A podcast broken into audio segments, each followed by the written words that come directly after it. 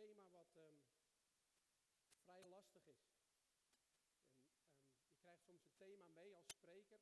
En dit keer was het thema: wat moet ik met alle religies? Als je daar dan over nadenkt, dan denk ik, nou, wat gaan we doen? Het gevaar bestaat, vind ik zelf altijd, dat als je zoiets krijgt, dat je er een soort um, hoorcollege van gaat maken. Dus dat probeer ik niet te doen. Uh, ik heb twee blaadjes bij me, dus het valt aan zich mee. Duurt niet heel lang.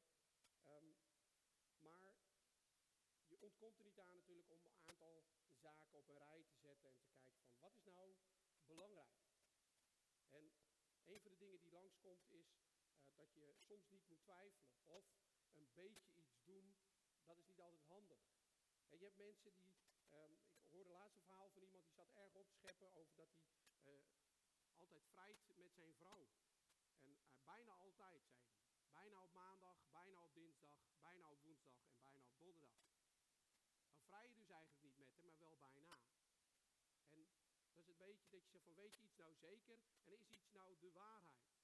En dat zijn wel twee dingen die een beetje langskomen. Wat is het dus hetgene wat er gebeurt?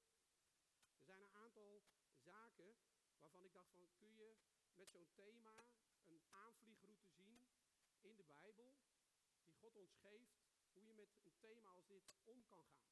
Want een valkuil kan zijn dat je alle religies langs gaat, uitdiept en zegt van nou we hebben boeddhisme, we hebben hindoeïsme, we hebben taoïsme, we hebben heel veel ismes, atheïsmes en we hebben uiteraard het jodendom, we hebben het, het islamitisch geloof en we hebben het christendom. En zo zijn er nog een aantal. En ik denk dat het een gevaar zou kunnen zijn dat je daar je focus op gaat leggen. En probeert uit te leggen wat die zijn. Wat die godsdiensten dan inhouden en uh, hoe je daarmee om kan gaan. En dat wilde ik vandaag dus niet doen. Ik heb een aantal uh, dingen die ik met u wel wil overdenken. Eén daarvan is hetgene wat Jezus zegt. Jezus zegt, en dat mag wellicht, dat is niet heel ingewikkeld, maar dit zegt Jezus. Ik ben de weg, de waarheid en het leven. Niemand komt tot de Vader dan door mij. Dit is nogal een uitspraak in een periode dat er veel werd nagedacht door mensen die we straks tegenkomen in Athene. En dat waren mensen die hun werk ervan maakten om na te denken. Stoïcijnen en uh, Precuritijnen. En dat waren mensen die deden niks anders als nadenken over de waarheid. Welke weg moet je bewandelen? Hoe werkt het leven? En dat is nog steeds eigenlijk binnen een aantal godsdiensten uh, een weg um, die gezocht wordt. Maar waar nergens wordt gezegd, dit is de waarheid. En wij als christenen zeggen dat dus wel. Dus ik wil daarnaast met u nadenken over iets wat Paulus doet. En dat staat in handelingen. En u kunt meelezen. Ik moet even mijn bril opzetten. Maar misschien is dit ook wel makkelijk. We doen het gewoon zo. Terwijl Paulus in Athene op hem wachtte, raakte hij hevig verontwaardigd bij het zien van vele godenbeelden in de stad. In de synagoge sprak hij met de Joden en met de Grieken die God vereerden. En op het marktplein ging hij dagelijks in debat met de mensen die hij daar aantrof. Beetje Koninginnedag, zeg maar. Of Koningsdag. Onder hen waren ook enkele, nou, epicurische en stoïsche filosofen. Van wie sommigen zeiden, wat jij beweert, wat beweert die praatjes maken toch? Anderen merkten op, hij schijnt een boodschapper van uitheemse goden te zijn. Dachten dat hij preekt over Jezus en over een godin die opstanding heet. Ze namen hem mee naar de Areopagus en zeiden, kunt u ons uitleggen wat die nieuwe leer is die door u wordt uitgedragen? Want wat u zegt klinkt ons vreemd in de oren. We willen graag weten wat u bedoelt. Alle Atheners en de vreemdelingen die er wonen hebben immers voor haast niets anders tijd dan voor het uitwisselen van de nieuwste ideeën. Een soort Facebook, alleen dan. Paulus richtte zich tot de leden van de Areopagus en zei: Atheners, ik heb gezien hoe buitengewoon godsdienstig u in ieder opzicht bent. Want toen ik de stad rondliep, in de stad rondliep, en alles wat u vereert nauwlettend in ogenschouw nam, ontdekte ik ook een altaar met het opschrift aan de onbekende God. En wat u vereert zonder het te kennen, dat kom ik u verkondigen.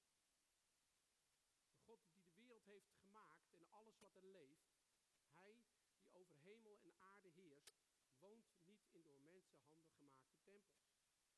Hij laat zich ook niet bedienen door mensenhanden, alsof er nog iets is dat hij nodig heeft. Hij die zelf aan iedereen leven en adem en al het andere schenkt. Uit één mens heeft hij de hele mensheid gemaakt, die hij over de hele aarde heeft verspreid. En voor elk volk heeft hij een tijdperk vastgesteld en heeft hij de van hun woongebied bepaald. Het was Gods bedoeling dat ze hem zouden zoeken en hem altastend zouden kunnen vinden, aangezien hij van niemand van ons ver weg is. Want in hem leven wij, bewegen wij en zijn wij. Of, zoals enkele van uw eigen dichters ook hebben gezegd, uit hem komen ook wij voort. Maar als wij dan door God voort, uit God voortkomen, mogen we daar niet denken dat het goddelijke gelijk is aan het beeld van goud of zilver of steen. Het werk van een ambachtsman, door mensen bedacht. God slaat echter geen acht op de tijd waarin men hem niet kende, maar roept nu vooral overal de mensen op om een nieuw leven te beginnen. Want hij heeft bepaald dat er een dag komt waarop hij rechtvaardig oordeelt over de mensheid zal vellen door een man voor dat doel heeft aangewezen, Jezus. Het bewijs dat het om deze man gaat, heeft hij geleverd door hem uit de doden te doen opstaan. Toen ze van de opstanding hoorden van de doden, dreven sommigen daar de spot mee. De andere zeiden, daarover moeten we ons een andere keer nog maar eens vertellen.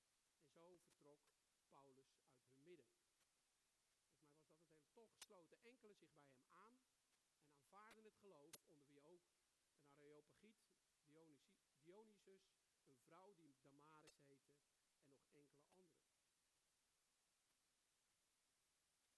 Wat moet je nou met alle religies? Eigenlijk doet, Paulus het wat voor. Paulus ziet heel veel andere goden, andere religies. En hij kijkt ernaar en dan, gebeuren een aantal dingen in hem. Intern wordt hij verontwaardigd. Zeg maar, in de, in de synagoge brandt hij los. En zegt van, wat is dit? Ik weet niet precies wat hij heeft verteld, maar waarom zijn al die goden hier? Maar buiten doet hij het anders. En eigenlijk vind ik dat hij het heel slim doet. Hij kijkt en hij pakt iets op wat daar vereerd wordt. En hij zegt eigenlijk, jullie doen het heel goed, maar je bent ook een beetje onkundig. Je weet niet wat je vereert. En die God, die wij dienen. Ik heb een filmpje en dat filmpje zegt eigenlijk alles. Dat duurt zes minuten. En misschien dat u een aantal mensen uh, het filmpje kennen. Ik ken het filmpje uiteraard zelf ook. Ik heb het een aantal jaren terug gebruikt ook. In, een, uh, in verschillende alfa-diensten. En ik vind het erg indrukwekkend. Maar het filmpje zegt alles. En daar gaan we zo naar kijken. En dan kijken we daarna, gaan we verder over het, de thema, het thema eigenlijk wat tevoorschijn komt uit zo'n filmpje. Gooi hem maar op, Rens. Toch hoef je niet veel te zeggen, hè, over film. En het, God maakte geen fout. Hè?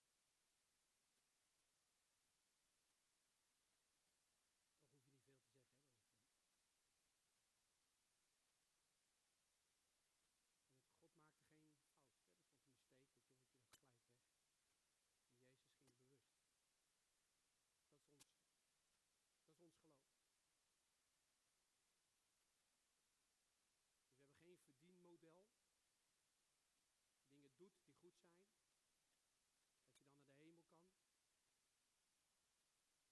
We hebben genade. Jezus die alles gaf. Bewust. En zei, ik ga. En dat is de boodschap die we brengen bij mensen zonder hoop.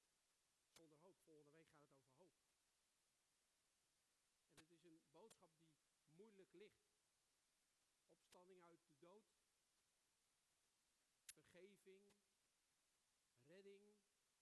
Ik kan er niks aan doen. Kan ik niet wat doen? Heel veel religies is een soort kasboek. Ik doe mijn best, ik doe goede daden en dat is positief. En je hebt ook verkeerde daden, dat is negatief. En als je geluk hebt aan het einde van de rit, dan kom je toch in de hemel. Maar genoeg goede dingen hebt gedaan. Soms lijkt het wel eens of het christendom ook zo is opgebouwd door mensen. Maar als je hier naar kijkt, naar zo'n filmpje, en beseft wat Jezus doet, dan heeft het niks met ons uit te staan. Helemaal niks. In 1 Johannes uh, 4 staat dat God ons eerst heeft lief gehad voordat wij Hem lief hebben. Dus dat is ook eigenlijk de, de manier van God. God sluit een verbond met mensen. En bij Abraham doet hij dat bijvoorbeeld in het Oude Testament. En wat gebeurt er met Abraham? Hij, valt in, hij, hij wordt in een diepe slaap gebracht. Hij, hij voegt eigenlijk niks toe. En wij zeggen dat wij een, een, een, religie, een religie of relatie, hè, hebben we het wel eens. En ik denk dat we uh, het woord relatie, wat wij vaak gebruiken, en terecht ook, dat we een relatie mogen hebben met God. Dat we goed in de gaten moeten houden dat zelfs die relatie die wij aangaan met God, dat Hij altijd de eerste is. En dat het niet in balans is. Want God heeft, eh, wat we ook lazen, God heeft helemaal niks nodig van ons. En God geeft ons alles. En dat betekent dus dat je met open handen ontvangt hetgene wat je krijgt. En dat is vergeving. En dat is eeuwig leven. En dat we Jezus leren kennen zoals hij is. Maar de, de relatie start vanuit hem. En niet zozeer vanuit ons. En zelfs het bouwen van de relatie komt vanuit zijn kracht in ons. En dat is belangrijk. Het is een heel groot verschil. Dus niks verdienen, niks je best doen. Maar moet je dan helemaal niks doen? Als je in Jezus gaat geloven, zegt Jezus van, weet je, ik, ik vind dat je mij uh, moet volgen. In, de voeten van de rabbi, zeg maar. In de voetstappen van de rabbi, dat boek hebben we behandeld. En zie je hoe Jezus was. Maar niet om de dingen die je verdient, maar uit dankbaarheid. Omdat wij het ontvingen en de vader zei van weet je, mijn genade is zo groot, dat toen ze Jezus helemaal in elkaar sloegen, zijn baard uittrokken en vastspijkerden aan een hout, met zulke stalen pennen, zei de vader helemaal niks. Heb ik ook wel eens over nagedacht met u en over gesproken. De vader zweeg. Pilatus dacht dat hij een hele Piet was en die zegt tegen Jezus, weet u niet wie ik ben? Moet je je voorstellen, zo'n procureur, die man had echt veel macht. En dan staat er een man, helemaal bebloed, en die zegt, denkt u nou echt dat als ik vraag, dat hij die geen legioen van engelen kon bestaan? Hij zegt, de macht die u zegt Jezus tegen Pilatus, heeft u gekregen, gedelegeerd, omdat God het u geeft. That's it. Maar Jezus vraagt er niet om. Hij doet het niet. Waarom niet? De kinderen van Adam, dat zijn wij, hadden de prioriteit. En Jezus wil dat wij gered worden. Dus zonder Jezus heeft u het leven niet. Kortweg de boodschap.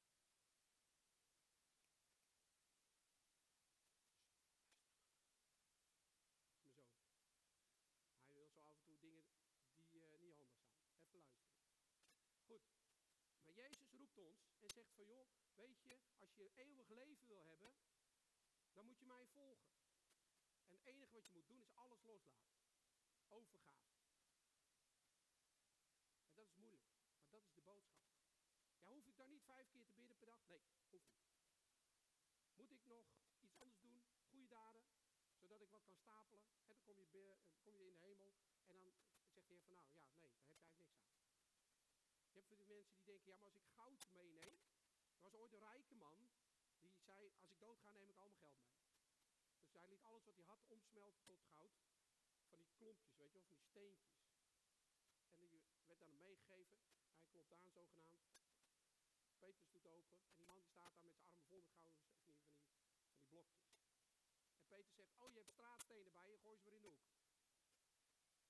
Het brengt niks. Dat is helemaal niet belangrijk. En toch zijn we vaak bezig, ook in andere godsdiensten, om ons best te doen, om God te dienen en om het te verdienen.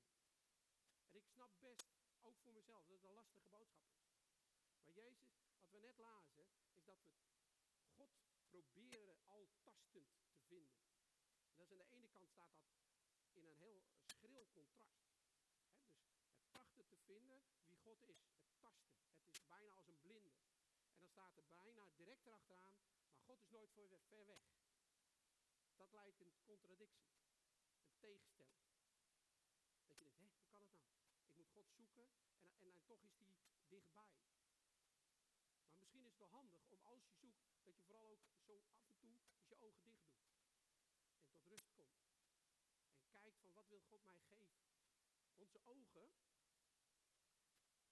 die, die leiden ons vaak af. Als je gefocust wil zijn, is een van de redenen om, als je in gebed bent, dat je je ogen even sluit.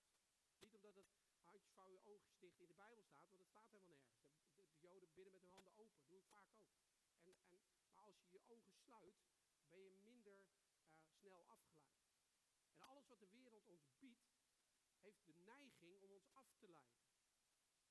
En het is niet alles wat we krijgen dat dat slecht is, of werelds. Kijk, een auto is helemaal niet werelds. Als je er alleen maar aan denkt, wordt die, een auto is gewoon aards. Het is gewoon een ding van materie, vier banden en afhankelijk uh, hoe die eruit ziet en welke motor erin ligt, gaat hij bewegen. En ook nog afhankelijk welke motor, hoe hard die gaat. Nou, prima. Maar het wordt werelds op het moment dat je daar alleen maar aan denkt. En dat is met eigenlijk met alle dingen zo. En God zegt, je moet aan mij denken, want ik denk aan jou. En dat is eigenlijk iets wat zo groot is, waar mensen denken van, ja, maar is dat dan wel een religie? Nee, het is geen religie. Het is overgave. Het is ontvangen. En mensen uitleggen, veel weet je, um, als je bij God wil horen, dan kan dat. En je hoeft er niks voor te doen. Behalve geloven. En dat maakt het dat het lastig is. Soms heb je piketpaaltjes nodig. Want ik weet niet, heeft u een doos hier, toen u naar binnen kwam aan die kant, stond er een grote doos met zo'n enorm bord erop. Heeft u niet gezien? Op het bord had misschien kunnen staan, laat hier uw verstand achter als u naar binnen loopt. Want sommige mensen hebben namelijk het idee dat als je in Christus gelooft, dat je dan heel dom bent. Maar dat is natuurlijk helemaal niet waar. Daarom stond die, die doos er ook niet met dat grote bord. Daarom zit u gewoon hier. En ik denk dat er veel meer uitdaging in het christendom zit, ook qua nadenken, dan dat de meeste mensen denken. Er zijn 8500 Griekse geschreven, volledige, bewaarde um, manuscripten gevonden vanuit het Nieuwe Testament. Er zijn acht boeken gevonden van Julius Caesar. En de meeste mensen vertrouwen er echt wel op dat Julius Caesar is geweest, dat hij een keizer was en dat hij ook oorlogen voerde en daar is een aantal verslagen van. Nou, dat is prima. Maar dat zijn maar acht boekjes. En die zijn in jaren, honderden jaren later pas vastgelegd. Het Nieuwe Testament zijn er heel veel boeken van gevonden die compleet uitgeschreven waren. En die um, dingen in zich hadden waarvan je kan zeggen van is het mogelijk dat Jezus uit de dood opstond.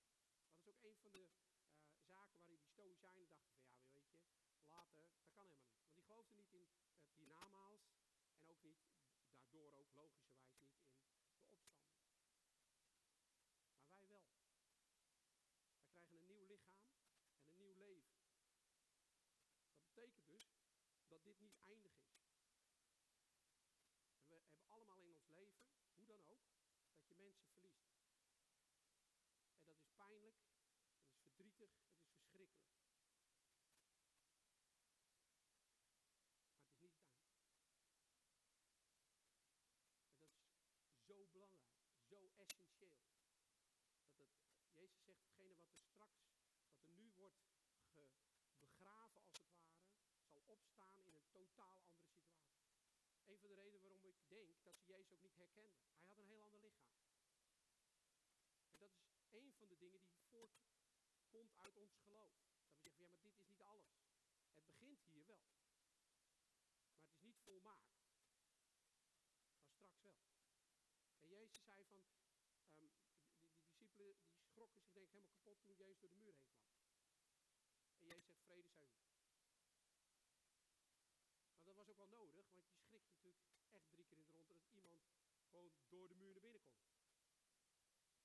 Want er staat nergens dat Jezus een sleutel had van de deur en dat hij stiekem naar binnen kwam. Dat staat er niet.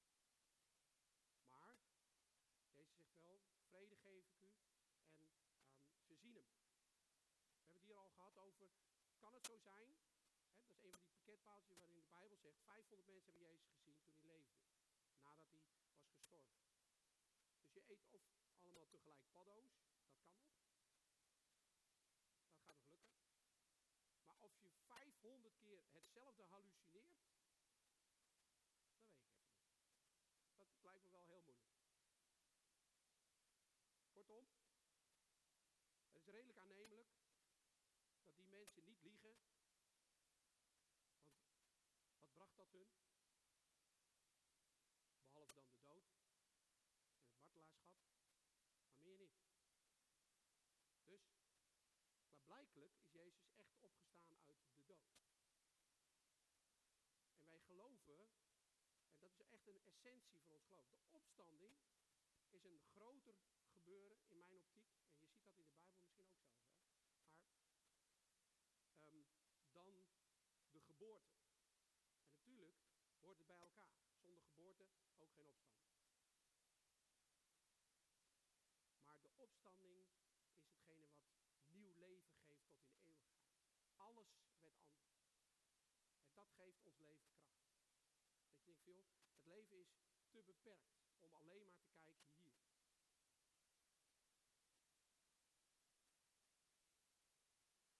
Dus, om te kijken, wat moeten we, we omgaan met alle religies, is misschien een betere vraag van hoe leg ik uit wat wij geloven?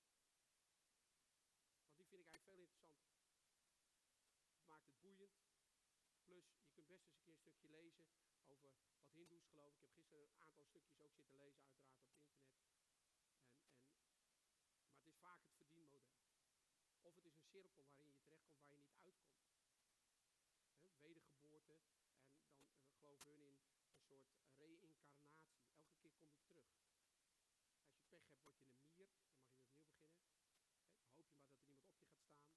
He, hoop je maar dat er iemand op je gaat staan. En als je als meer goede dingen hebt gedaan, dan word je een hoger individu. Of um, mensen zoeken naar rust intern. En willen in een soort leegte terechtkomen. En geloven niet dat God zich bemoeit met ons. En al die dingen, als je dat allemaal snapt, word je verlicht en word je net als Boeddha. Maar kan worden? En als het niet lukt, nou, heb je. En dat vind ik wel het fantastische. Het geloof wat wij hebben, is niet afhankelijk van ons. Behalve hetgene dat je krijgt. Het is hogere wiskunde. Het is twee keer 100 procent. En als we zo gaan bidden, dan, dan richten wij ons tot een God die ons alles geeft. En waar we uit dankbaarheid Hem mogen volgen. Dat is echt wat anders dan dat je het verdienen moet. Ik denk dat het een is als je het verdienen.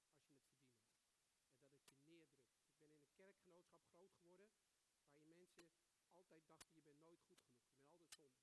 Mijn donkerblauwe pak, prachtig, maar het is niet donker genoeg. Zelfs donker, hè, antracietgrijs is geen zwart. Je bent een soort worm. En het is Gods genade wel dat je onthouden bent, maar je moet toch wel goed je best doen. Anders word je, dan mag je niet naar de hemel. En een hele hoop christenen mogen niet zeggen dat ze naar de hemel gaan. En als ik dan vraag van, maar waarom dan niet? En dan zeggen ze, ja, dat verdien ik niet. Denk je nou, dat klopt? Maar Jezus heeft het verdiend. Dus dat, daar gaat het nou juist om.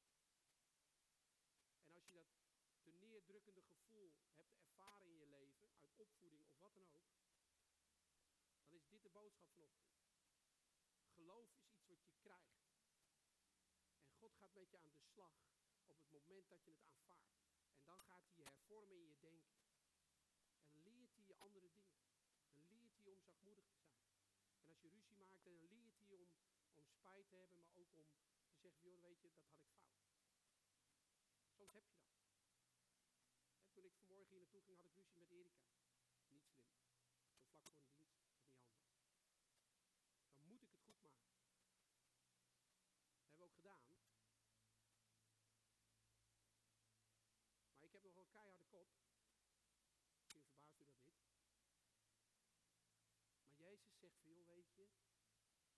dat is niet handig.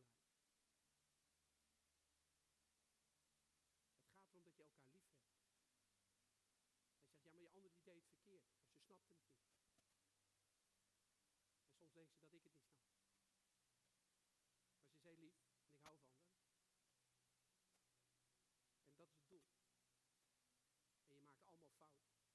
Maar Jezus niet. En Jezus zegt van, joh, kom op. Ik heb het je al lang vergeven. Ga met me mee. Ik zal je leren. En mensen, dat is de beste godsdienst die er is. En het heeft niets met ons te maken en alles met de Heer. Want zelfs willen en het werken, zegt de schrift, is hetgene wat God ons geeft. Dus hogere wiskunde, 100% Gods genade. En 100% onze verantwoordelijkheid om hem te volgen. Niet uit verdiensten, maar uit blijheid. Uit dankbaarheid. Dat je yes. Jezus heeft ons gered. Er is vergeving. Laten we met elkaar bidden.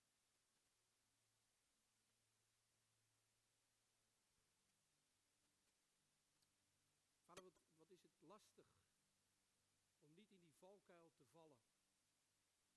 En het toch te verdienen. Toch ons best te doen. Een soort schouderklopje te mogen ontvangen van u. In maar alles werd gedaan.